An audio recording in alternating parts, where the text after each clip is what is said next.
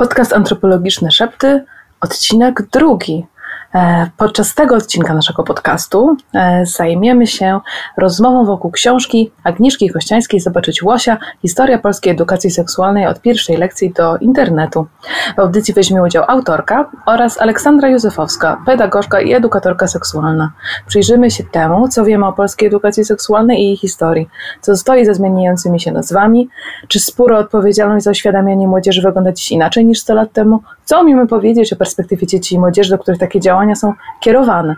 Najserdeczniej zapraszam na rozmowę z moimi dwiema gościniami. Chciałabym w tym momencie powitać pierwszą z nich, doktor habilitowaną Agnieszkę Kościańską. Dzień dobry. Agnieszka pracuje w Instytucie Etnologii i Antropologii Kulturowej UW, jest antropolożką kultury i zajmuje się związkami religijności i seksualności.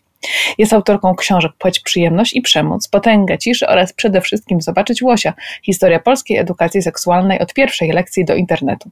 Książka ukazała się w 2017 roku w wydawnictwie Czarne, ale mam wrażenie, że jest coraz bardziej aktualna i niezbędna do przeczytania jako obywatelski obowiązek. Niestety też mam takie poczucie, że książka staje się e, coraz bardziej aktualna i szczególnie e, Szczególnie było to widoczne w połowie kwietnia, kiedy polski Sejm zdecydował się mimo pandemii i wszystkich y, strasznych rzeczy, które wtedy się działy, porozmawiać o y, projekcie ustawy wprowadzającej kary więzienia za edukację seksualną. Więc wydaje mi się, że jest z edukacją seksualną jeszcze gorzej niż kiedy pracowałam nad książką e, kilka lat temu, bo wtedy nikt nie rozważał takich projektów. Właśnie, zastanawiam się, jak my znaleźliśmy się w takim miejscu teraz. Może mi wytłumaczysz i naszym słuchaczom, e, kiedy w latach 20. czy 30. zaczynaliśmy jako awangarda zmian, humanistycznych zmian na lepsze e, w mówieniu o ludzkiej seksualności. Zdecydowanie nie możemy mówić o takim prostym postępie, o takiej linearnej narracji. Ogólnie w historii seksualności jest tendencja do tego, żeby opowiadać o niej w, przez pryzmat właśnie postępu, ewolucji, dążenia do coraz, e, coraz lepszej edukacji, do tego, żebyśmy mieli coraz więcej praw, żeby panował coraz większy liberalizm, jeśli chodzi o seksualność. Ale historia polskiej edukacji seksualnej zadaje kłam tego typu narracji, ponieważ edukacja seksualna w Polsce, na terenach e, należących, należących potem do Polski, zaczyna się na samym początku XX wieku i stopniowo staje się coraz bardziej postępowa. Y, wchodzi, wchodzi do szkół zaraz po odzyskaniu niepodległości w, y, po I wojnie światowej i potem, i potem też w okresie PRL-u to też różnie bywa, ale stopniowo staje się coraz bardziej otwarta na potrzeby nastolatków, coraz bardziej e, permisywna, jeżeli chodzi o takie kwestie jak homoseksualność, czy nie wiem, czy masturbacja na przykład.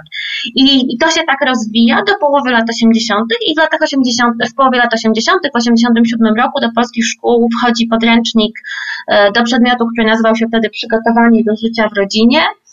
I ten podręcznik był naprawdę takim niesłychanie postępowym podręcznikiem, który o seksualności mówił bez ogródek, pokazywał, y, mówił o takich kwestiach jak antykoncepcja, mówił, mówił bez, bez zbędnej paniki o, o masturbacji, y, mówił, że homoseksualność to jest analogiczna do, y, że związki homoseksual, homoseksualne są analogiczne do związków heteroseksualnych, nie, nie patologizował w żaden sposób homoseksualności. I ten podręcznik wytrwał w szkołach dwa miesiące. E, I wtedy odbyła się taka wielka, wielka dyskusja, narodowa dyskusja edukacji seksualnej, której efektem było wyrzucenie tego, tego podręcznika ze szkół. I od tego czasu, od 1987 roku, edukacją seksualną zajmują się ludzie, którzy krytykowali wtedy ten, ten podręcznik. I całe lata 90. to jest, i, a, i potem też to jest odwrót od tej wizji e, z podręcznika z 1987 roku. Czyli można powiedzieć, że edukacja seksualna w Polsce jest zakładnikiem zmian politycznych, obyczajowych, związanych z wyższymi celami, że jest taką ofiarą spraw związanych z kompromisem państwo-kościół, czy innymi kwestiami, które wydają się bardziej znaczące. Zdecydowanie, zdecydowanie. Na ten temat y, mówi w mojej, w mojej książce Zbigniew Izdebski, który bardzo mocno był zaangażowany od początku lat 90. w rozwój edukacji seksualnej w Polsce i który jest założycielem i szefem studium podyplomowego edukacji seksualnej na Uniwersytecie Warszawskim.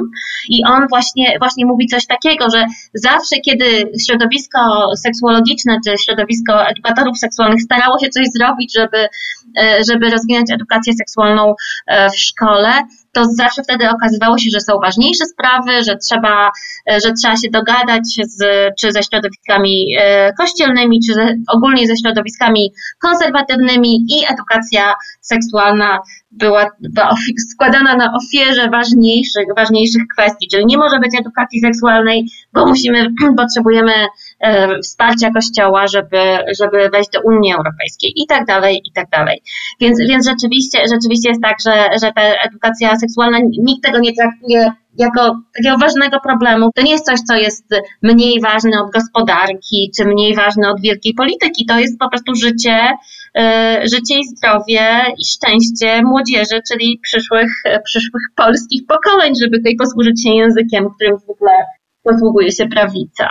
To w Twojej książce jest wspaniałe, że jest tam taki wielogłos młodzieży, można się dowiedzieć, czego oni rzeczywiście potrzebują. Zdecydowanie. I co mnie uderzyło, jak pracowałam nad książką, to y, mm, jak bardzo te potrzeby młodzieży, jak bardzo te listy młodzieży są niezmienne. Czy, czy to są lata 50. XX wieku, czy to jest, e, są lata, lata 20. XXI wieku, to młodzież generalnie chce wiedzieć to samo. Chce się dowiedzieć, jak nie zajść w ciążę, chce się dowiedzieć, co znaczą różne rzeczy, które dzieją się w ich ciele, co znaczą te uczucia, które, które mają. Po prostu chce takiej, takiej podstawowej wiedzy na temat, na temat procesów psychologiczno- fizjologicznych, e, z którymi się stykają w wieku e, dorastania. No i chce, i młodzież często jest bardzo odpowiedzialna i naprawdę chce się dowiedzieć, jak nie zajść w ciążę, jak się nie zarazić. To są ciągle, ciągle te same tematy, a dorośli, jak popatrzymy na te podręczniki, na większość podręczników, to to udzielają albo takiej wymijającej odpowiedzi, albo, albo straszą po prostu i mówią, lepiej w ogóle nie współżyć, bo możesz się zarazić albo możesz zajść w ciążę. Ale, ale to jak nie zajść w ciążę, jak się nie zarazić i współżyć, to tutaj trudno, często trudno jest znaleźć odpowiedź. Czytając ich głosy, można odnieść wrażenie, że przekazywanie wiedzy traktuje się jako promowanie jakichś postaw. Tak się demonizuje, albo traktuje lękowo, albo tabuizuje. Tak, zdecydowanie. Zdecydowanie te, te głosy młodzieży są, yy, są, są wyciszane i nie traktowane często poważnie. I też e, jeden z moich rozmówców, Wiesław Sokoluk, właśnie autor tego podręcznika z 87 roku, współautor tego podręcznika, on jak e, już jeszcze w latach 80. E, jeździł po szkołach i prowadził takie zajęcia jako taki zewnętrzny, zewnętrzny edukator i to wyglądało w ten sposób, że on prosił, żeby młodzież napisała na karteczkach pytania. E, I potem on organizował lekcje wokół tych pytań, które, które dostał, i tam młodzież mogła zadać te pytania anonimowo. I on mi mówił coś takiego, że on te pytania przechowuje i wykorzystuje je, kiedy sam szkoli edukatorów, ponieważ ludzie mu nie wierzą, że dzieci, dzieci pytają o takie rzeczy. On prowadził te lekcje w, w ósmych klasach, czyli wśród piętnastolatków i po prostu nikt mu nie wierzy, że to są autentyczne pytania. Więc on po prostu pokazuje, to są autentyczne pytania. Ja też widziałam te, te pytania i, i, i młodzież rzeczywiście chce wiedzieć, y, ma już doświadczenia seksualne w tym wieku i chce, chce różne rzeczy wiedzieć, takie bardzo konkretne. Y, ale tego, te, tego nie, sposób, nie sposób znaleźć odpowiedzi na te, na te pytania, na przykład w jedynym w tej chwili dopuszczonym do użytku podręcznik, podręczniku e, wędrując ku dorosłości. Co jest w tym podręczniku? Powiedz. W tym podręczniku generalnie jest powiedziane, że seks uprawia się w małżeństwie w celu e, prokreacji, a wszystko inne, co e, wszystko inne jest, jest w jakiś sposób na, na, różnie, różnie, to, różnie to się układa, ale po prostu jest pokazane jako zachowanie patologiczne, jako zachowanie niezdrowe, czy jako takie zachowanie, które, które może, może przynieść różnego rodzaju szkody i na przykład jest mowa o tym, że o prezerwatywa to tak naprawdę nie chroni przed niechcianą ciążą i przed chorobami, ponieważ może się wsunąć i trudno jest ją używać, ale nie jest powiedziane, jak nałożyć prezerwatywę. Już takiej konkretnej wiedzy to po prostu nie ma. Jest tylko powiedziane, o prezerwatywa, jak źle ją użyjesz, to nie będzie, nie będzie cię, cię chroniła. No oczywiście, że nie będzie, ale no trzeba w takim razie powiedzieć, jak należy używać prezerwatyw. Tak, tak, bo tu nie chodzi o to, żeby dać instrukcję obsługi tej seksualnej rzeczywistości, tylko o swego rodzaju rząd dusz. Zdecydowanie, zdecydowanie. I to też było bardzo dobrze widoczne w tej debacie, która odbyła się w kwietniu w polskim Sejmie, że te dzieci, ta, ta młodzież to gdzieś tam jest i ona jest właśnie e, taką kartą przetargową, jak e, tę młodzież należy e, wychowywać, ale generalnie moim zdaniem ta dyskusja o, e, o edukacji seksualnej, ale też o innych, e, innych powiązanych tematach, takich jak aborcja, czy nie wiem, ideologia gender ostatnio, to, to ta dyskusja jest moim zdaniem jedną z centralnych dyskusji e, w społeczeństwie polskim i nie tylko polskim, ponieważ to jest dyskusja o tym, jak wyobrażamy sobie społeczeństwo, jak wyobrażamy sobie naród, jak powinniśmy wychowywać dzieci. Y, I, i, ta, i ta dyskusja jest niesłychanie upolitycznioną dyskusją, w, której, w ramach której ścierają się różne wizje tego, czym ma, czy chcemy Polski. E, czy chcemy Polski otwartej i e, pełnej różnorodności, czy chcemy Polski e, dla Polaków. Czasem mam wrażenie, że ta debata odbywa się bez świadomości, jakie debaty się odbywały. E, czasem mam wrażenie, że powtarzamy to, co już się wydarzyło.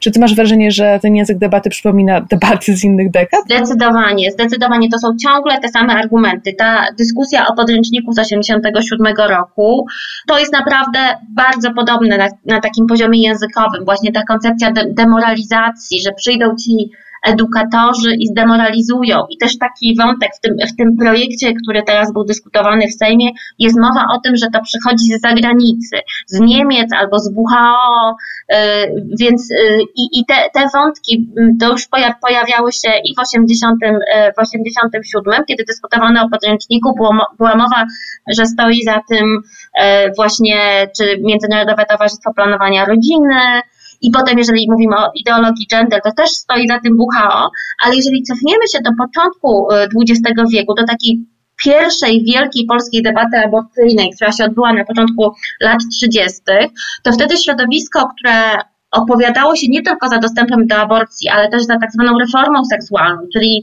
e, Irena Krzywicka, e, Boj Żeleński i, i, i całe to środowisko wokół, e, skupione wokół wiadomości literackich, no to oni też byli, byli oskarżani o, o to, że mają jakieś inspiracje z zewnątrz i, i te, takie wątki antysemickie bardzo, bardzo silnie były eksploatowane w tej dyskusji, że to są Żydzi, którzy chcą narzucić Polsce pewien, pewien pewien porządek moralny.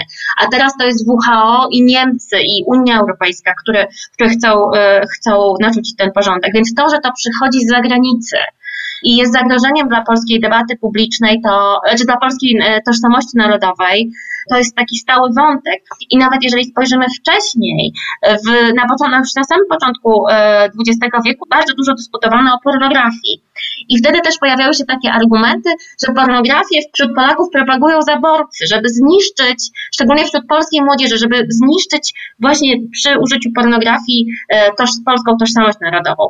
Więc te, to łączenie, e, łączenie wszelkich treści w ogóle seksualności z, z narodem, z tożsamością narodową i z tym, że zagrożenie przychodzi z zewnątrz, no to jest stały, stały, stały motyw, który tutaj e, się przewija. No i właśnie ta kwestia, że wiedza demoralizuje, że wiedza wiedza rozbudza, że dzieci jak będą wiedziały o seksualności, to zaraz się rzucą w wir e, doznań, doznań, doznań e, seksualnych, doznań, znaczy różnych eksperymentów seksualnych, a zwykle jest jednak odwrotnie. Odpowiedzialna edukacja seksualna mówi o pewnych, o pewnych rzeczach związanych z seksualnością, ale jeżeli przyjrzymy się programom edukacyjnych, na przykład Pontonu, no to tam jest mowa przede wszystkim o asertywności w zachowaniach seksualnych, mówi się o tym, że edukuje się nastolatków, żeby wiedzieli, że mogą odmówić, jak, że nie, nie trzeba się poddawać presji i tak dalej.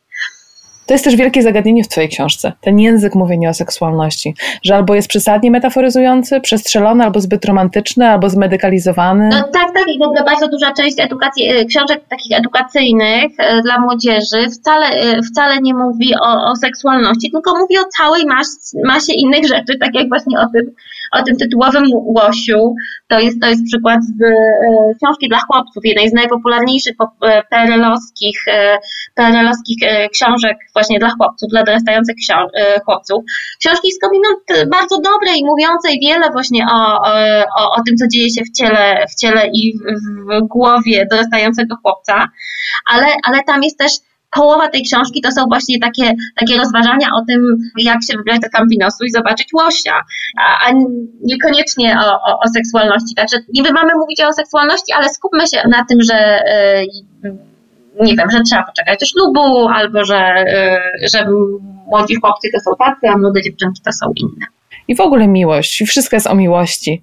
I w ogóle nie wiadomo, co chodzi z tym seksem, bo miłość przecież wszystko załatwi. Tak, zdecydowanie i to bardzo dobrze też e, widać w, w takich podręcznikach edukacyjnych, z, też z początku wieku, jak e, często, mówiono właśnie o, e, o zapłodnieniu u, e, tam u pszczół, znaczy tam pszczółki, kwiatki i tak dalej, i potem, i potem ryby, a im bliżej człowieka gatunkowo, tym, tym dalej od, tym, tym bardziej właśnie metaforycznie i mało konkretnie.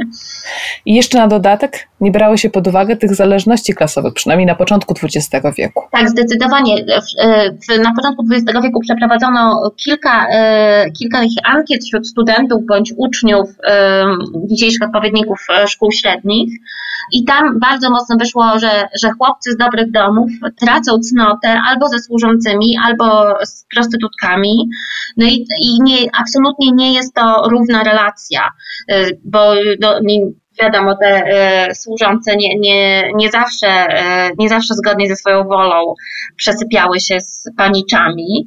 I myślę, że to jest też wielki, wielkie osiągnięcie edukacji seksualnej, z którą właśnie bywało różnie, ale że jednak teraz zwykle młodzież, e, i to pokazują między innymi badania profesora Izdebskiego, zwykle młodzież jednak uprawia seks po raz pierwszy z osobą równą sobie i z osobą w, w, w równym wieku, no i to jest jakiś konsensus między, między dwoma osobami, że, żeby spróbować.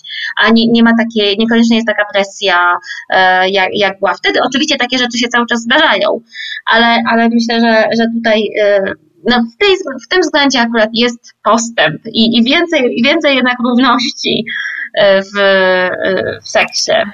A powiedz, między prawami kobiet, prawami chłopców, do bycia poinformowanym, poprowadzenia narracji, jacy oni mają być w seksie? Te różnice się wyrównują, zmieniają na korzyść budowania własnej biografii, czy nadal zakina się chłopców i dziewczynki w jakieś wzory? Jeżeli spojrzymy na, na ten podręcznik Wędrując ku dorosłości, czyli jedyny podręcznik, e, dopuszczony do użytku szkolnego, no to tam są bardzo, silnie, bardzo silnie zarysowane takie tak zwane tradycyjne role płciowe. I to, że dziewczęta, y, dziewczęta pragną miłości, a chłopcy pragną seksu i dziewczęta powinny y, tych chłopców y, stopować i, i nie dopuścić do tego, bo jak dopuszczą, no to, to, to, to mogą wiele stracić. I to zdecydowanie, to zdecydowanie się dzieje, ale jeżeli spojrzymy na edukację seksualną poza tymi, poza E, poza szkołą, no to jednak ten model równościowy jest coraz, coraz bardziej widoczny i coraz, coraz więcej, więcej się mówi. I, I to wydaje mi się, że to jest taka ważna różnica między współczesną, postępową edukacją seksualną uprawianą poza szkołą, a na przykład edukacją PRL-owską, bo autorzy tacy jak, jak Michalina Wisłocka czy Lew Osoby, które, które no, niesłychanie są zasłużone dla rozwoju tej edukacji, jednocześnie jeżeli chodzi o role płciowe, no to, to bardzo często no, pisały z takiej perspektywy właśnie podtrzymywania tradycyjnych ról płciowych, szczególnie właśnie Wisłocka, która uważała, że kobiety nigdy nie powinny wprost mówić, na co mają ochotę, gdzieś tego męża tam zakulisowo nim sterować, tak żeby on zgadł, e, co ona by chciała, a jeżeli ona zbyt otwarcie będzie mówić o tym, że ma ochotę na seks, to, to on ją porzuci, ponieważ e, kobieta to powinna koncentrować się na miłości, na, na tej przestrzeni uczuciowej, a nie na przestrzeni e, seksualności wprost. Więc, a wydaje mi się, że jednak takie współczes, e, współczesne edukatorki, tak jak nie wiem, Alicja Długołęcka, czy, czy właśnie edukatorki edukatorzy z grupy Ponton, no to jednak przełamują ten, e, te, te wizje tradycyjnych ról płciowych i, i mówią o, o pewnej niezależności kobiecej, o tym, że kobiety też mają ochotę na seks i mają prawo, żeby powiedzieć, powiedzieć, co naprawdę by chciały. Teraz jest o tyle lepiej, szerzej, że nie jesteśmy skazani na jedno źródło informacji. Teraz mamy nie tylko rodziców, ale także mamy cały internet, seriale na Netflixie. Po prostu jak chcemy się dowiedzieć, to jest nam łatwiej. No, ale to jest plus i to jest minus jednocześnie, bo owszem, jest nam łatwiej, jeżeli, jeżeli e, wiemy czego szukać i wiemy jak szukać, ale jeżeli nie wiemy jak, nie wiemy jak szukać, a, a jak mamy tam, nie wiem, 13 czy 14 lat, no to, to możemy nie wiedzieć, e, czego tak naprawdę szukamy i, e, i wtedy możemy znaleźć e, rzeczy, które niekoniecznie są takie fajne. I nie chciałabym tutaj zabrzmieć jakoś, jako jakaś wielka przeciwniczka pornografii, ale, ale pornografia jest bardzo, bardzo różnorodna i może być, może być, nie wiem, pornografia feministyczna, ale jest też dużo pornografii brutalnej, właśnie uprzedmiotawiającej kobiety i, no nie wiem, wy, wykorzystującej różnice, różnice, takie właśnie różnice społeczne i tak dalej. I jeżeli młody człowiek, który chce się czegoś dowiedzieć, o co chodzi z tym seksem, trafi na takie rzeczy, na, na właśnie na, na filmy pornograficzne, które, które mają e, taki przekaz e, brutalny i absolutnie nierównościowy, no to, to, to może być wtedy też problem. E, więc wydaje mi się, i tak, i tak mówi też wielu, wielu edukatorów, że z dziećmi o seksie trzeba porozmawiać, zanim zaczną szukać w internecie żeby wiedziały, że na przykład pornografia to nie jest tak, jak seks wygląda, tylko to jest, to jest jakiś rodzaj e, e, wizji artystycznej, nazwijmy to tak, e, twórców, a nie, a nie, a nie, wynik, a nie wynik tego, że każdy, że każdy, ten, każdy seks wygląda tak jak na tym filmie, który e, i do tego trzeba dążyć i to jest, i to jest fajne, co jest na tym filmie, filmie, bo to może nie być fajne i to może nam się nie podobać, co, co filmie zobaczymy. No tak, to potrzebujemy swego rodzaju kuratorów tych treści, bo dzieci, jak powiedziałaś, nie przybiją się przez ilość tych treści, które oferuje internet. No zdecydowanie w, w szkole, w szkole moich e, dzie, e, dzie, chłopca, syna, syna moich przyjaciół, no, była afera po prostu pornograficzna wśród ośmiolatków, którzy, e, którzy zaczęli, zaczęli oglądać filmy. I, i co, takie, co takie dzieci z tego e, wyniosą? No to jest, to jest dobre pytanie. Czy rzeczywiście edukacja seksualna, która bez większych emocji mówi o tym, że, że jest coś takiego jak pornografia, ale musicie wiedzieć, że to nie jest, e, że to nie jest tak, jak seks wygląda naprawdę. Czy to deprawuje, czy, czy, czy już prawdziwe film, filmy pornograficzne, które e, oglądają ośmiolatkowie. No tak, to powiem Ci, że moje dorastanie, ja jestem rocznik 85, wydaje mi się absolutnie niewinne, bo jedyne, co można uznać za przekroczenie, jakie miały miejsce, to końskie zaloty, tak to się nazywało. Ale to akurat ty tak trafiłaś, a, e, a też wiele, e, wiele osób i, e, i w tamtych czasach trafiało na na, na filmy pornograficzne, na przykład wygrzebane u rodziców, y, więc więc to, to, może, to może być bardzo różnie. Już nie może takiej, takiej trzepakowej, powiedzmy, edukacji, że ktoś tam coś usłyszał i opowiedział kolegom i koleżankom. I, no i to może być prawda, a może to być coś kompletnie wyimaginowanego. Więc, więc to po prostu może być bardzo różnie. Nasze doświadczenia mogą być niesłychanie, y, niesłychanie różne.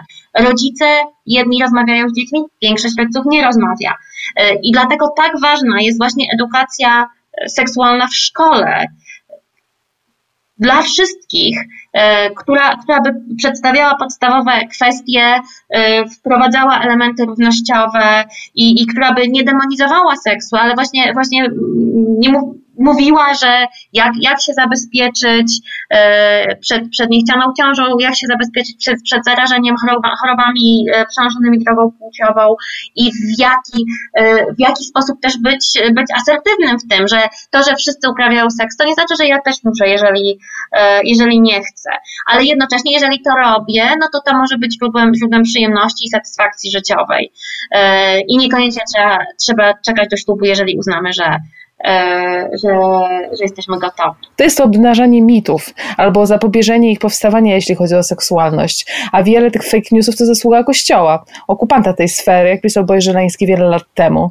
To się w ogóle nie zaktualizowało w tej chwili. No jak, jak teraz obserwujemy debatę publiczną, gdzie, gdzie kwestia seksualności jest, jest, no jest, jest właśnie taka, taka ideologiczna granica między tymi, którzy są zwolennikami edukacji seksualnej, a właśnie konserwatystami związanymi z kościołem, z kościołem katolickim, no to, to rzeczywiście możemy tak powiedzieć i te słowa Boja Żeleńskiego ten konflikt jest bardzo widoczny, ale z drugiej strony musimy pamiętać też o tym, że w obrębie samego Kościoła też się dzieją bardzo różne rzeczy. W tej chwili może mniej, ale w przeszłości bardzo, bardzo ważne były też środowiska postępowe w, w Kościele katolickim. Jeżeli przeczytamy na przykład książkę Andrzeja Wielowiejskiego Przed nami małżeństwo, książkę, która wyszła na początku lat 70., to jeżeli chodzi na przykład o role płciowe, to Wielowiejski jest niesłychanie bardziej postępowy niż Michalina Wisłocka. On mówi, tak, żona ma prawo do inicjatywy seksualnej i y, w małżeństwie musi być miejsce na to, żeby mogła żona jasno powiedzieć, czego, czego oczekuje od męża, jeżeli chodzi, jeżeli chodzi o seks. I że to jest, i że to jest niesłychanie, e, niesłychanie ważne. Więc, e, więc też e, bym była daleka od mówienia, że, że to podejście katolickie jest, e, jest tak mocno, no bo Boy to stawiał bardzo, jako uczestnik tej, tej debaty, stawiał to naprawdę na ostrzu nos, że, no, że jesteśmy my i są nasi okupanci Kościół.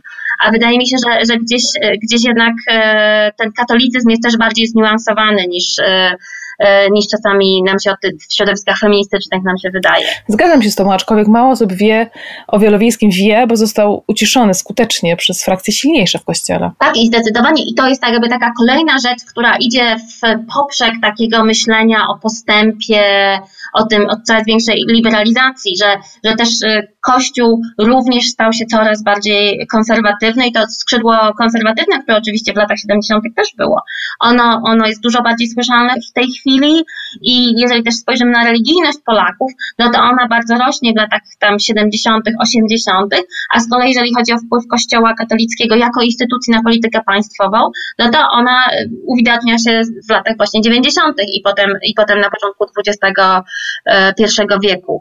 Więc tutaj też nie ma takiego nie ma, często socjologowie mówią o sekularyzacji, że coraz mniej e, religii w życiu publicznym, no ale Polska pokazuje, że nie, że e, kiedyś było mniej religii w życiu publicznym, a teraz jest więcej. No i ofiarą trafiającą ostatnio na okładki magazynów e, politycznej sceny jest społeczność LGBTQ+, która jest określona jako zaraza niemalże. Tak, zdecydowanie. I to jest też, to jest też taki, taki, taki problem, gdzie znowu powinna być edukacja seksualna szkolna, która by mówiła, osoby homoseksualne to są tak homoseksualność to jest taki, taki sam rodzaj wyrażenia seksualności jak heteroseksualność, tutaj nie można dyskryminować. Jeżeli spojrzymy na przykład na badania e, Marty Abramowicz o nastolatkach LGBT+, e, to to jest grupa tak niesłychanie po prostu poddana dyskryminacji, presji, wyśmiewaniu. Y, no to, to jest po prostu obraz takiego cierpienia tych młodych ludzi. I najpierw mamy, najpierw mamy, mamy polityków czy, czy księży, którzy publicznie mówią o y, tęczowej zarazie, a potem mamy nastolatka gdzieś tam, który został pobity przez kolegów, dlatego że uznano, że jest, teraz biorę w cudzysłów, pedałem. E, więc, więc to, to jest po prostu jas, przełożenie między, między ideologizacją seksualności w debacie publicznej, a po prostu życiem i zdrowiem młodych ludzi. Już nie tylko seksualnym, ale po prostu ich bezpieczeństwem e, fizycznym. Jest to dla mnie sprawa tak samo straszno śmieszna, jak to w jaki sposób odbywa się dyskusja na temat aborcji. To chronienie życia, które Kościół przedstawia jako to najważniejsze, e, odcina to właściwie od życia seksualnego i przesuwa w zupełnie inne rejony niż te związane z wiedzą o seksualności. Tak, zdecydowanie tej aborcja jest najbardziej upolityczniona z tego wszystkiego i e, no, dużo bardziej niż tak sama edukacja seksualna, ale oczywiście kwestia aborcji jest, jest, jest, jest, tego, jest tego częścią.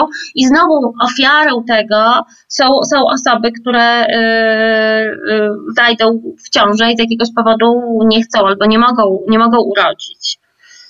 I, i te wszystkie, i właśnie razem z tym debat, razem z tym projektem e, o zakazie edukacji seksualnej, o więzieniu za edukację seksualną był debatowany projekt, który zakazywałby aborcji w przypadku e, poważnych wad płodu, czyli mamy sytuację kobiety, która zachodzi w ciążę i, i ma dziecko, które nie przeżyje no nawet, nawet paru godzin, a i tak musi je, musi je urodzić i chodzić w tej ciąży, która wie, że się skończy tragicznie e, przez 9 miesięcy.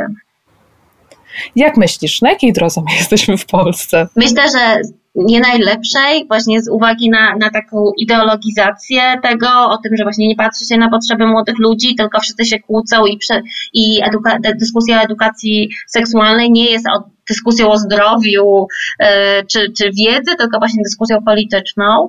Także, także to, to się dzieje, e, to na pewno się dzieje i to będzie się działo, ale jednocześnie, jeżeli spojrzymy na to, co robią konkret, konkretne nauczycielki i nauczyciele, edukatorki i edukatorzy, o tym, jak dużo się dzieje w, w tym zakresie, no to jednak myślę, że jest, jest jakaś nadzieja i też na współpracę, na takie zasypanie tych rowów i na, na to, żeby ja też starałam się znaleźć, e, zbierając materiały e, do książki, staram się znaleźć przykłady takich inicjatyw na bardzo takim lokalnym poziomie, gdzie, gdzie dochodzi do jakiejś współpracy właśnie między, między osobami, które tak politycznie to może się nie zgadzają, ale widzą, że jest jakaś potrzeba i myślę, że w tym jest no największa, największa nadzieja na to, y, że, że coś tutaj się zmieni i że nam dorosłym uda się odpowiedzieć na potrzeby młodych ludzi. Bardzo bym sobie tego życzyła. Tym bardziej, że mam wrażenie, że niektórzy dorośli potrzebowaliby edukacji seksualnej również. Zdecydowanie, zdecydowanie. Bardzo Ci dziękuję, Agnieszko, za rozmowę e, i za Twoją świetną książkę Zobaczyć Łosia, którą najserdeczniej wszystkim polecam. E, można kupić na stronie wydawnictwa Czarny i w księgarniach. Dziękuję bardzo za Twoją pracę. Dziękuję bardzo. E, druga część antropologicznych szeptów o edukacji seksualnej w Polsce. Moją gościnią jest Ola Józefowska, Józefowska, czy też Aleksandra, nie wiem jak wolisz. Olu, dzień dobry. Dzień dobry, może być Aleksandra, witaj. Pedagogzka, trenerka i edukatorka seksualna. Przez 16 lat koordynowała działania grupy edukatorów seksualnych Ponton, którą również współtworzyła od samego początku. Prowadzi warsztaty z zakresu umiejętności psychospołecznych i edukacji psychoseksualnej dla młodzieży i dla dorosłych i udziela wsparcia psychologicznego i edukacyjnego kobietom i nastolatkom w ramach telefonów zaufania i spotkań indywidualnych i pracuje również teraz głównie właściwie jako terapeutka. Czy wszystko się zgadza? Coś byś dodała? E, wszystko się zgadza i rzeczywiście e, trochę tego jest, więc oczywiście nie jest możliwe, żeby robić to wszystko naraz, więc e, tak naprawdę to już od e, ostatnich dwóch lat e, pracuję dużo jako psychoterapeutka w gabinecie, natomiast ponieważ bardzo lubię pracować z młodzieżą i jakoś to jest ważne dla mnie, żeby mieć kontakt z młodymi ludźmi, to te warsztaty w szkołach cały czas staram się prowadzić, choć już nie tak często jak kiedyś. No i jestem wciąż związana z Pontonem. Kiedy odeszłam ze stanowiska koordynatorki, jakoś staram się choć odrobinkę udzielać się wolontaryjnie, więc zdarza mi się też być na telefonie zaufania mhm. i, i współtworzyć jakieś, e, jakieś działania pontonu. Masz wieloletnie doświadczenie i tak jak zauważyłyśmy, obie ogromne spektrum e, badań terenowych odbyłaś i, e, i na pewno masz pewne refleksje i zastanawia mnie to, jakie one są po tych wszystkich latach e, pracy na, na tym polu. Czy jest lepiej, czy jest gorzej, jak, jak jest? Czy widzisz jakąś, nie wiem, krzywą postępu, czy wręcz przeciwnie? To jest takie pytanie, które rzeczywiście y, muszę powiedzieć, że słyszę w różnych y, y, wywiadach, rozmowach y, przez te wszystkie, wszystkie lata. I trochę mam tak, że y, czuję zawsze jakiś niepokój, jak słyszę to pytanie, bo e, chciałabym e, odpowiedzieć e, jakoś tak pozytywnie i trudno jest mi mówić, że nie zmieniło się nic na lepsze, więc może spróbuję to jakoś tak skomplikować. Wydaje mi się, że jeśli chodzi o młodzież i jej sytuację, to w związku z tym, że dostęp do y, internetu i dostęp do Netflixa, młodzież jakby y, przechodzi coś takiego, że y, mimo tego, że w tym kraju dostęp do wiedzy, do edukacji seksualnej, do informacji na temat, nie wiem, antykoncepcji jest utrudniany i to niestety jest to, zawsze od lat odpowiadam, że tu nie zmienia się na lepsze, tu zmienia się wręcz na gorsze i to, to jest ta gorzka refleksja, to myślę sobie, że młodzież po prostu idzie swoją drogą i e, nie da się po prostu zamknąć internetu, nie da się e, całkowicie odciąć e, nastolatkom dostępu do popkultury i y, jest tak, że młodzież po prostu jest zdana na, na siebie i na takie wybieranie z tej, z tej rzeki różnych informacji, y, tego, co y, jest dla nich wartościowe i cenne. No i to jest z jednej strony bardzo gorzkie, że ta młodzież jest zostawiona sama sobie, ponieważ jedni znajdą e, cenne informacje, przede wszystkim merytorycznie poprawne, a drudzy trafią na, na, na wiadomości nieprawdziwe, na e, seksualizujące jakieś e, rzeczy. I to jest tak, że mm, no jakby to, co przez lata mi się rzuca najbardziej w oczy, to taka samotność y, tej młodzieży w zdobywaniu informacji. I tutaj, no mówię, to, to jest coś, co nie daje jakby nadziei. Nie zmienia się y, klimat polityczny. Jeśli się zmienia, no to chyba na jeszcze bardziej konserwatywny. I to jest akurat bardzo gorzkie jako dla edukatorki seksualnej, że przez tyle lat, no choćby taka grupa jak Ponton pracuje na rzecz y, jakby podniesienia y, tego dostępu nastolatków do wiedzy z edukacji seksualnej, ale no, tu nie ma osiągnięć, tak? ponieważ zależy to od, od polityków, którzy są konserwatywni i tu się nie poprawia. Ale z drugiej strony, tak jak mówię, jest popkultura, jest na przykład, nie wiem, akcja wspaniała e, Ani Rubik, jest książka Sex.pl, czyli to jakby e, idzie to równolegle, tak? I nie da się całkowicie zatamować jednak dostępu po prostu do wiedzy, tak? Jest serial Sex Education, który nastolatki oglądają, więc jest bardzo różnie, jest po prostu bardzo różnie. Tak, jest ogromna różnorodność i ten horyzont rzeczywiście się oddalił i, e, i nie ma wrażenia takiej klaustrofobii rzeczywiście, tak, związanej z tym, czego się można dowiedzieć.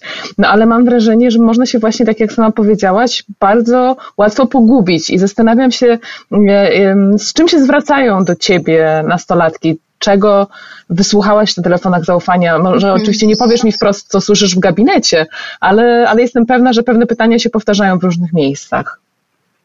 Oczywiście, to jest w ogóle bardzo szerokie pytanie i mam takie poczucie, że muszę się jakoś mocno y, skoncentrować y, na tym, żeby, żeby gdzieś, nie wiem, wybrać y, y jakiś fragment, dlatego że to jest, y, no to jest jednak kilkanaście lat na telefonie zaufania. Ja chyba chcę powiedzieć coś takiego, że są pewne rzeczy, które właśnie są, że tak powiem, uniwersalne przez ostatnie, no tak naprawdę to, to, to pewnie około 20 lat jestem związana też z tą edukacją seksualną. Hmm. Y, I to jest jakaś samotność tych nastolatków. Y, I takie, takie to, to się akurat nie zmienia. To, że każdy chciałby być potraktowane indywidualnie, mimo że na stronie Pontonu y, jest y, jakieś kompendium wiedzy, jest y, mnóstwo artykułów, natomiast każdy chce zadać pytanie osobiście, dostać osobiście odpowiedź i to pokazuje, że tych rozmów o, o seksie z zakresu edukacji psychoseksualnej po prostu w domach i w szkołach nie ma.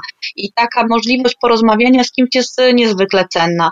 Druga sprawa to takie pogubienie, e, jeśli chodzi o wyznaczanie swoich granic. To też jest uniwersalne przez lata.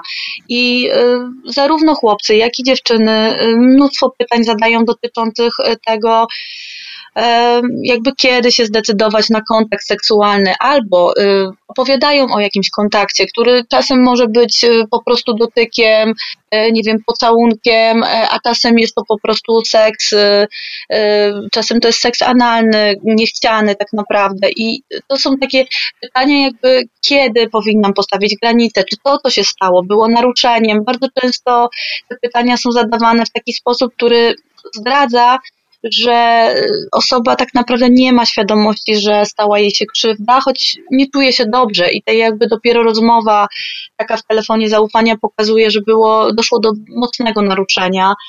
E, pytają też chłopcy o to, czy, czy jeśli dziewczyna e, jest gotowa na seks, zachęca do tego seksu, nalega, to czy to normalne, że, że, że chłopak e, nie ma ochoty, wolałby zaczekać, bo mało też się mówi o tym, że chłopaki też nie zawsze mają ochotę na seks, hmm. wbrew stereotypowi. Więc to są takie rzeczy, które się jakby przez lata mało, mało zmieniają.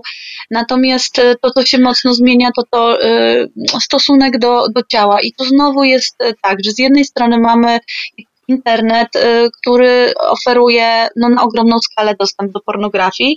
Tego y, na pewno nie było 15-20 lat temu. Nie było zgłoszeń od y, wychowawczyń ze szkół, które zgłaszają, że nagle w podstawowej szkole 11-latki wszystkie obejrzały film pornograficzny, bo jedno przyniosło na telefonie. Więc hmm. to, to jest taka, taka trudna bardzo rzeczywistość. E, I e, ta pornografia też powoduje, że zmienia się stosunek do ciała. Bardzo dużo pytań od młodych ludzi e, dotyczy takiego niepokoju związanego z ciałem, tak?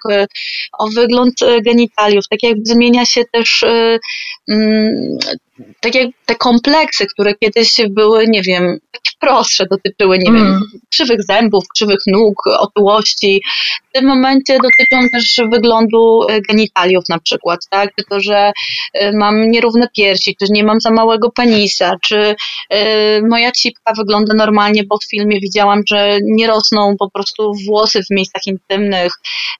No, to jest porównywanie się z aktorami, aktorkami filmów porno i to jest bardzo duży szkop dla, dla, dla ludzi pracujących z nastolatkami, no bo oni przecież widzieli, tak, i wyglądają brzydziej, wyglądają gorzej. Ja pamiętam, że na jednych zajęciach właśnie z takich, na takich warsztatach z edukacji seksualnej dziewczynka mi powiedziała, że no owszem, fajnie, że rozmawiamy o tym, jak naprawdę wygląda seks w rzeczywistości, ale tak naprawdę no to chyba przyznam jej, że no po prostu w filmie pornograficznym wszystko wygląda ładniej, estetyczniej, nic nie wydaje dźwięków, nie, nie wiem, nie, nie ma zapachu, tak? Czyli to jest y, no, duże wyzwanie, żeby, żeby jakoś wspierać te nastolatki, które no, widzą często, że ten wirtualny seks po prostu w pornografii to jest, to jest jakby jedyna ich wiedza na temat seksualności mm. człowieka. I tak. to się zmieniło. To się zmieniło. I też zagrożenia, y, że, że kiedyś y, tak jakby zgłoszenia dotyczyły zagrożeń takich, że nie wiem, ktoś komuś y, powiedział, zrobił coś, że tak powiem, w realu. W tym momencie no też dużo tych spraw związanych z sextingiem, czyli przesyłaniem roznegliżowanych zdjęć, czy jakimiś szantażami w internecie, no to też, też tego jest sporo. Tak, tak, dokładnie, że ta intymność, która no była czasem taka, powiedziałabym, nieporęczna, tak, jakaś taka niezdarna e, w tym nastoletnim wieku, ale przynajmniej była taka, powiedziałabym, jednak dość prywatna, ograniczona do grupy rówieśniczej. Natomiast teraz jest e, to spektrum porównywania się właśnie oraz e, potencjalnego upublicznienia jest ogromne, a właśnie, a ta wiedza podawana często jeszcze z taką właśnie, nie wiem, z takim pouczeniem, że broń Boże z niej nie korzystać, tak, i nie uprawiać tego seksu, to już jest taka schizofrenia dla nastolatka, że tak, współczuję, ale... współczuję tym dzieciakom użyłaś tego słowa schizofrenia, rozumiem, że my jakoś tak używamy sobie jego y, jakoś w cudzysłowie, ale wiesz co, ja też używam tego słowa y, z kolei w odniesieniu do sytuacji y, dziewczyn, które mm. bardzo też są zagubione w tych przekazach, jakie dostają w Polsce na temat tego, jakie mają być, bo z jednej strony tak. Y, dziewczyny, które żyją gdzieś, y, no powiedzmy, nie wiem, w jakichś e, też często mniejszych miejscowościach, gdzie jednak bardziej ludzie na siebie nawzajem patrzą, gdzie, e, gdzie jest bardziej konserwatywnie na przykład, no to e, ciągle jednak pokutują te takie poglądy, że kobieta no to powinna się szanować, że dziewczynka powinna być skromna, że seks przed, seks przed ślubem to jednak dziewczyna jest jakoś no już nie tak wartościowa, tak? Oczywiście ja to mówię wszystko jako cytaty, y, jest to przerażające, żeby, żeby coś takiego w ogóle hmm. twierdzić. Natomiast y, dostajemy takie sygnały czasem, że dziewczyny tak czują, że, że, że, że takie przekazy są aktualne. No właśnie, no ale z drugiej strony one nie są odcięte od internetu i y, z kolei popkultura niesie przekaz, bądź gotowa na wszystko, bądź sexy przede wszystkim, że jakby ta seksualizacja polega na tym, że sprowadza się atrakcyjność, sposób, sprowadza się wartość osoby do jej atrakcyjności, najczęściej fizycznej, właśnie mm. do, do seksowności. Przecież to też działa na dziewczyny. Więc one z jednej strony mają być takie skromne i się szanować, a z drugiej strony e, fajnie, jeśli są sexy, są po prostu gotowe na eksperymenty, e, no po prostu jolo. No i mm-hmm. jeśli chodzi o, o, o odnalezienie się w takich przeciwstawnych e, przekazach, no to, to jest bardzo trudne, tak? A, a też no, osoba, która ma, nie wiem, 15, 14, 16 lat, tak naprawdę dopiero szuka siebie i odnaleźć jakby się pomiędzy takimi e, dwoma przeciwstawnymi, przeciwstawnymi przekazami jest to bardzo trudne i te dziewczyny często są pogubione i, i też zestresowane bardzo tym. Mm. No dokładnie, e, ale powiedziałaś też, że nie tylko dziewczyny mają, chociaż oczywiście więcej jest dla nich też zagrożeń, ponieważ są kobietami i genderowo są bardziej w ogóle narażone na kulturowe opresje, ale powiedziałaś, że chłopcy mm. też e, nie dają rady czasem z tymi przekazami, które są do nich kierowane. Oczywiście, że tak i e, tutaj z kolei myślę sobie, że mm, te stereotypy uderzają tak naprawdę y, najmocniej i e, stereotyp y, dla chłopaka, zresztą stereotyp y, też tak naprawdę jak się śledzi te nieszczęsne podręczniki do wychowania do życia w rodzinie, mm. to e, nawet w nich jest powielany właśnie taki przesąd, że y, dziewczynki to y, głównie myślą o miłości, o romantycznym uczuciu, a chłopakom zależy przede wszystkim na seksie.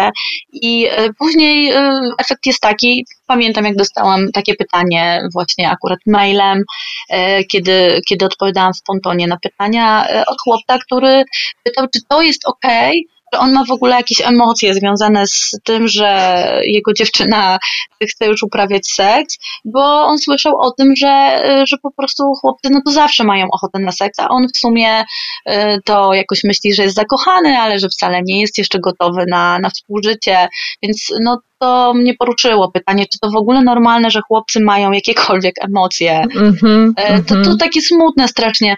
Ale z kolei jak o tym mówię, to przypomina mi się też e, pytanie od e, dziewczynki, czy to, e, czy to normalne, że dziewczyny też się masturbują, czy to jest w ogóle prawda. Mm, I to rzeczywiście jest jakby z tego drugiego bieguna, tak? Że dziewczyny to tylko tak. romantyczne uczucie, a już no, masturbacja, czyli coś związanego ewidentnie z seksualnością, to jest coś, co, co się dziewczynom nie zdarza. I to muszę powiedzieć, że takie pytania miałam 15 lat temu i takie pytanie miałam kilka miesięcy temu na zajęciach mhm. w szkole, gdzie miałam zajęcia z dziewczynkami i jedna dziewczynka powiedziała, że ale jak to? To dziewczyny też się masturbują. Myślałam, że to wszystko y, dotyczy tylko chłopaków. Mm. No tak, bo też dziewczynki, nawet jeśli obcują z pornografią i ją widzą, to obcowanie z obrazem nie oznacza znajomości ciała, tak, lubienia go i chęci w ogóle jego eksplorowania, prawda?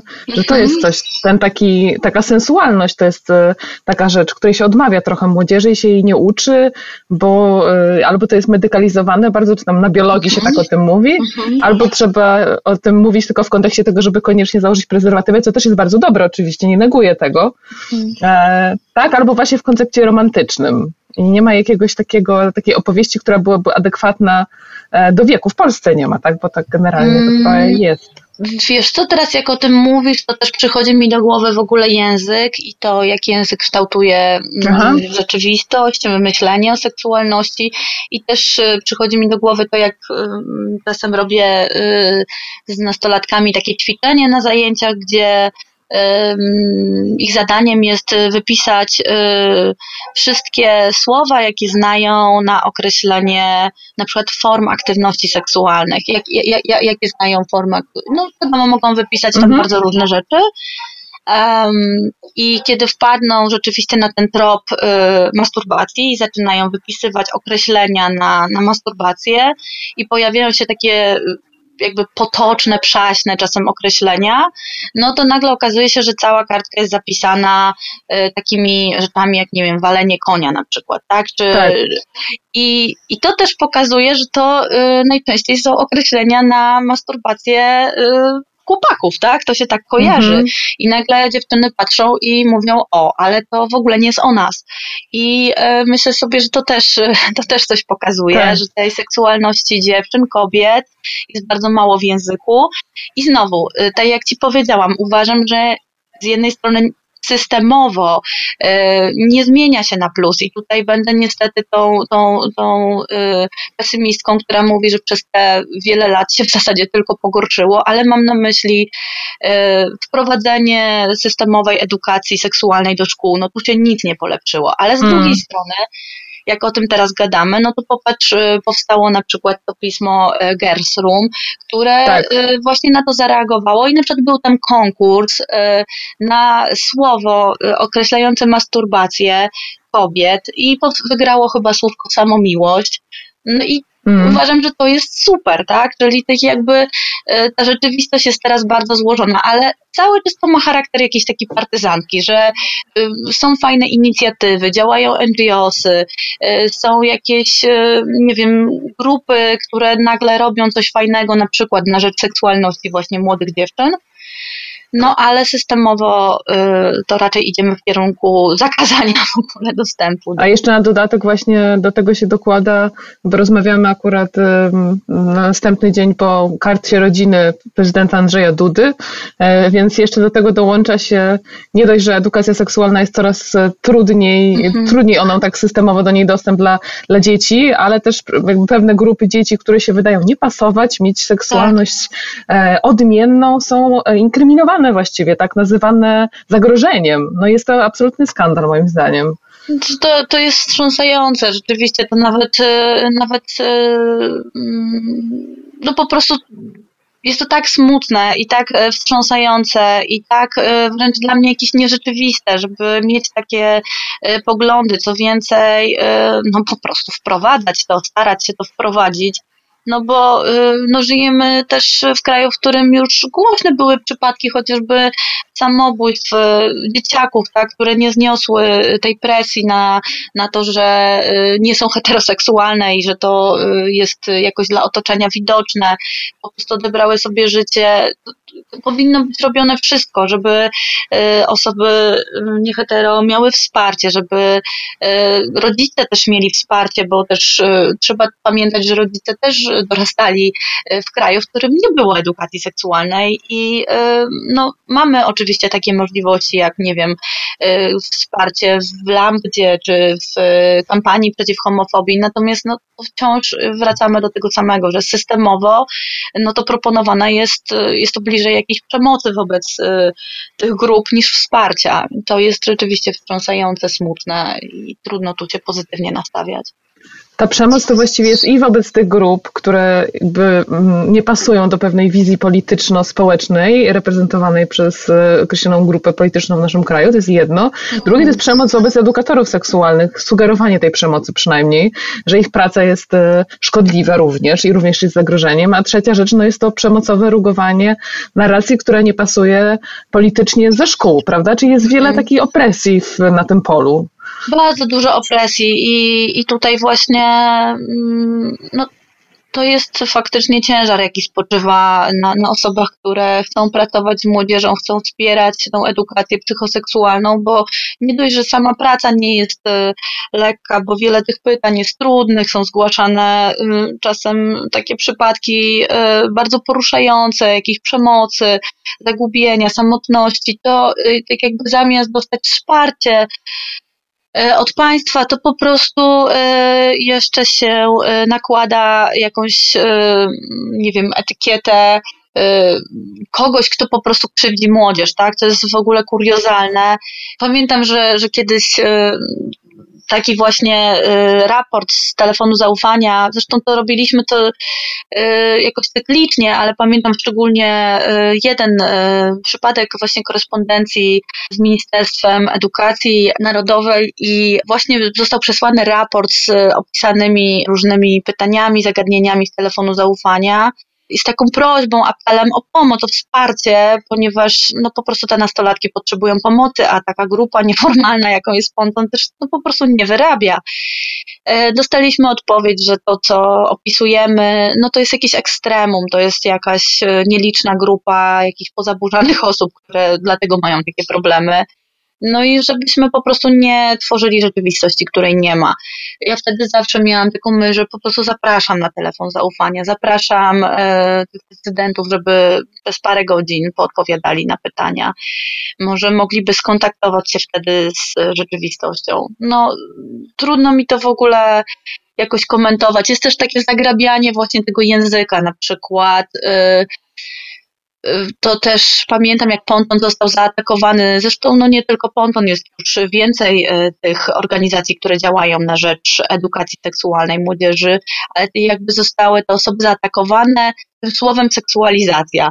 Słowo, które które zostało gdzieś tam e, zdefiniowane przez amerykańskie towarzystwo psychologiczne i odnosi się właśnie do tego takiego narzucania seksualnego wizerunku dzieciom, nagle zostało wyjęte z kontekstu i rzucone tak jakby w twarz edukatorom, edukatorkom seksualnym, że my właśnie seksualizujemy młodzież. No, jest to ogromna bzdura i manipulacja. Ponton robił taką kampanię seksualizacja nie zmieniaj się na siłę. Postanowiliśmy jakoś zareagować na to i zrobiliśmy taką kampanię, która polegała na serii e, gifów, które pokazywały różne zagadnienia właśnie seksualizacji, gdzieś związane z takim czymś, że, że, że, że można decydować jednak, jak się chce wyglądać, ile się chce pokazywać ciała samemu, samodzielnie. To było pod tytułem nie zmieniaj się na siłę. Więc jakoś to jest trochę taka walka. No właśnie, bo tak będziemy powoli zmierzać do jakiegoś podsumowania naszej rozmowy i pewnie to, co chciałabym, żeby było tym podsumowaniem to jakiś taki rodzaj rady, którą byś miała dla pewnie słuchających nas e, młodych dzieciaków, być może pewnie ich rodziców, może jakichś decydentów albo mm, jakichś działaczy. Jaką masz radę, jak najlepiej, żeby nie zwariować, e, postępować w takich warunkach, w jakich na razie przychodzi nam tutaj żyć. Mhm. Jak to powiedziałaś, żeby nie zwariować, to od razu przychodzi mi do głowy, że dla nastolatków y, mam taką zachętę na stronie grupy Ponton y, jest y, podlinkowana taka nasza publikacja, jak dojrzewać i nie zwariować, więc zachęcam do, do jej przejrzenia, bo jest y, bardzo fajnym takim e, kompendium wiedzy, y, jakoś y, w pigułce podane są informacje na temat właśnie zdrowia, dojrzewania, seksualności, seksualności, antykoncepcji, więc do tego zachęcam. A myślę sobie, że może też słuchają nas e, jacyś e, rodzice i myślę, że to e, takie ważne, żeby jednak być gdzieś blisko tego tematu, żeby nie bać się, bo też pracuję z rodzicami i wiem, że często rodzice boją się podejmować tematu edukacji seksualnej ze swoimi dziećmi. Najpierw bardzo długo, bo, bo, bo mają poczucie, że mogą jakoś dzieciaki ponaruczać, bo one są za małe. Potem z kolei się boją, no bo już te dzieci są duże i że to będzie żenujące. Mm. A ja chciałabym zachęcić do tego, żeby jednak traktować tą seksualność jako po prostu każdą inną część życia yy, i jakoś zwracać uwagę na to, że życie niesie mnóstwo pretekstów do rozmowy, choćby, nie wiem, billboard z reklamą, yy, prezerwatywy w, po prostu na półce w sklepie, i nie unikać tych tematów, bo tak naprawdę y, rodzic y, rozmawiający z, z dzieckiem to rodzic, który też w pewnym sensie ma kontrolę nad tym, co to dziecko wie, czego się dowiedziało i w jaki sposób, a gdzieś chyba najbardziej boli mnie, jak takie dzieciaki, z którymi nikt nie rozmawiał y, z różnych przyczyn w ogóle, mają nagle właśnie 11 czy 12 lat i trafią na, na pierwszy swój kontakt z seksem, właśnie taki bardzo brutalny, na przykład y, oglądając pornografię, y, no to jest trudno później też zadbać o, o, o takie dziecko, bo ono często jest po prostu jak po naruczeniu, tak? Mhm.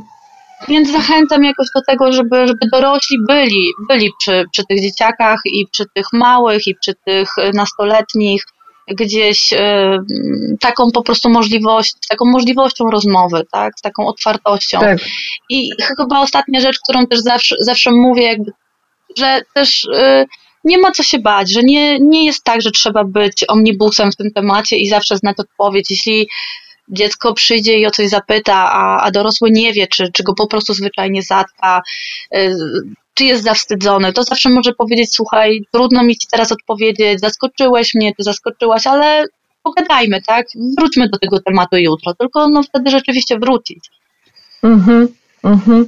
No bardzo Ci dziękuję i dziękujemy, chyba mówię też w imieniu naszych e, słuchaczy, za, za Twoje rady i Twoją pracę i, e, i życzę Ci, żeby ona przynosiła owoce systemowe, a nie tylko partyzantkę, którą wszyscy uprawiamy e, i, i dzięki Wam w ogóle może ona się odbywać, więc, więc wielkie, wielkie dzięki i, i cóż, i, i mam nadzieję, że, że będzie Was słychać i widać i że przede wszystkim dzieciaki będą mogły korzystać z, z pomocy takiej jak Twoja jak najczęściej, że rodzice usłyszą to, co powiedziałaś. Dzięki Ci wielkie za rozmowę. Bardzo dziękuję. To może tylko na koniec powiem, że, że, że w każdy piątek e, od 16 do 20 pod numerem e, 635-9392 działa telefon zaufania e, grupy Ponton i można zadzwonić i po prostu pogadać na każdy temat związany z jakoś z, tą, z tym obszarem psychoseksualności.